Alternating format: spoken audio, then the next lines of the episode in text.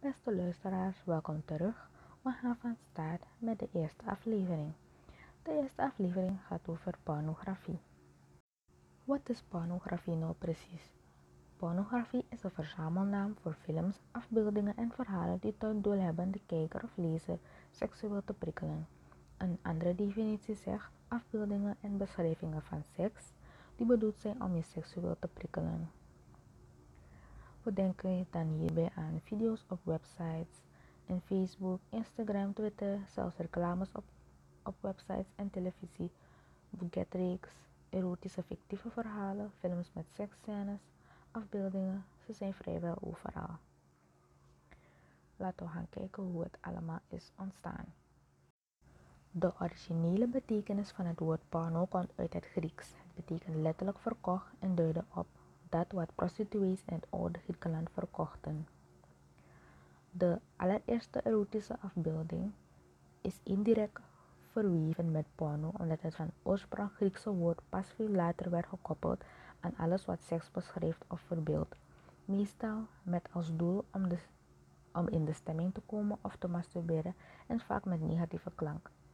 Het verbeelden van seksuele handelingen, van de geslachtsgemeenschap of seksualiteit is van alle tijden. Bijgaand een beeld van de Venus van Willendorf, een prehistorisch beeldje. Pas in de latere eeuwen is het afbeelden van seksuele handelingen porno gaan heten. Dus de Venus van Willendorf is het eerste beeldje dat wordt gezien als sekssymbool. Als we naar de twee Bijbelversen kijken, zien we dat de eerste, Psalm 119, ons leert dat we moeten waken wanneer wij kijken en wanneer wij luisteren, waaraan wij onze ogen en oren blootstellen. En Jezus is het brood. Jezus is het leven. We moeten dus naar Hem opkijken. Dan zullen we nooit meer iets tekort komen. Wij moeten ervoor zorgen dat we onze ziel niet beschadigen, want onze ogen zijn de toegang tot onze ziel.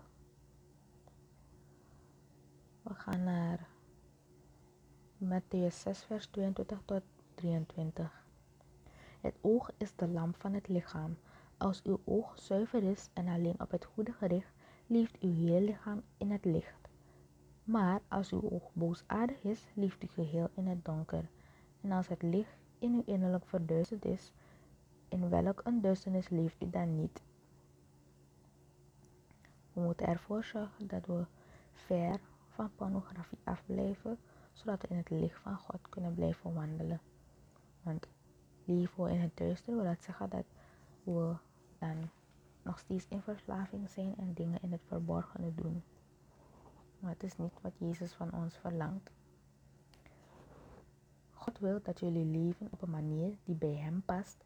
Hij wil daarom dat jullie geen verkeerde dingen meer doen op het gebied van seks, dat jullie allemaal op een zuivere en heilige manier met jullie lichaam omgaan. Jullie mogen er niet meer op losleven zoals de mensen doen die God niet kennen. Al dus 1 Thessalonicense 4, vers 3 tot 5. Hoe bevrijd te worden van deze verslaving? 2 Timotheus 2, vers 22 zegt: Blijf uit de buurt van alles wat jou als jongeman slechte gedachten en gevoelens kan geven. Geef in plaats daarvan je aandacht aan alles wat je kan helpen goed te doen aan trouw, liefde en vrede en zoek het gezelschap van hen die de Heer met een zuiver hart aanroepen. We lezen jonge man, maar natuurlijk geldt het ook voor vrouwspersonen, mannen en vrouwen, jongens en meisjes. Ga pornografie uit de weg. En bid om, bevrijding. Je gaat het niet alleen kunnen doen. Je hebt God nodig daarvoor. Stel je helemaal open aan God. Vertel Hem al je zorgen, al je problemen en Hij zal je zeker te hulp schieten. God geeft ons kracht, want God is kracht. En hierdoor kunnen we, onze, kunnen Hem beter dienen wanneer we gehoorzaam zijn en deze zonde uit de weg gaan. En God dan kunnen dienen met heel onze hart, ziel en verstand. In Jezus' naam. Amen. En wat ik nog erbij wil zeggen is, de wereld heeft ervoor gezorgd dat wij, mensen pornografie als normaal zien. Maar dat is het ver van de waarheid. Maak je ogen open. Daar heb ik het over het spirituele. Kijk rond en je zult zien dat Satan, Gods aardsvijand, de wereld onder zijn greep heeft. Maar God, schepper van hemel en aarde, is er voor ons. Zorg ervoor dat je leeft voor God met een hemelse gedachte, niet met een aardse of wereldse mentaliteit.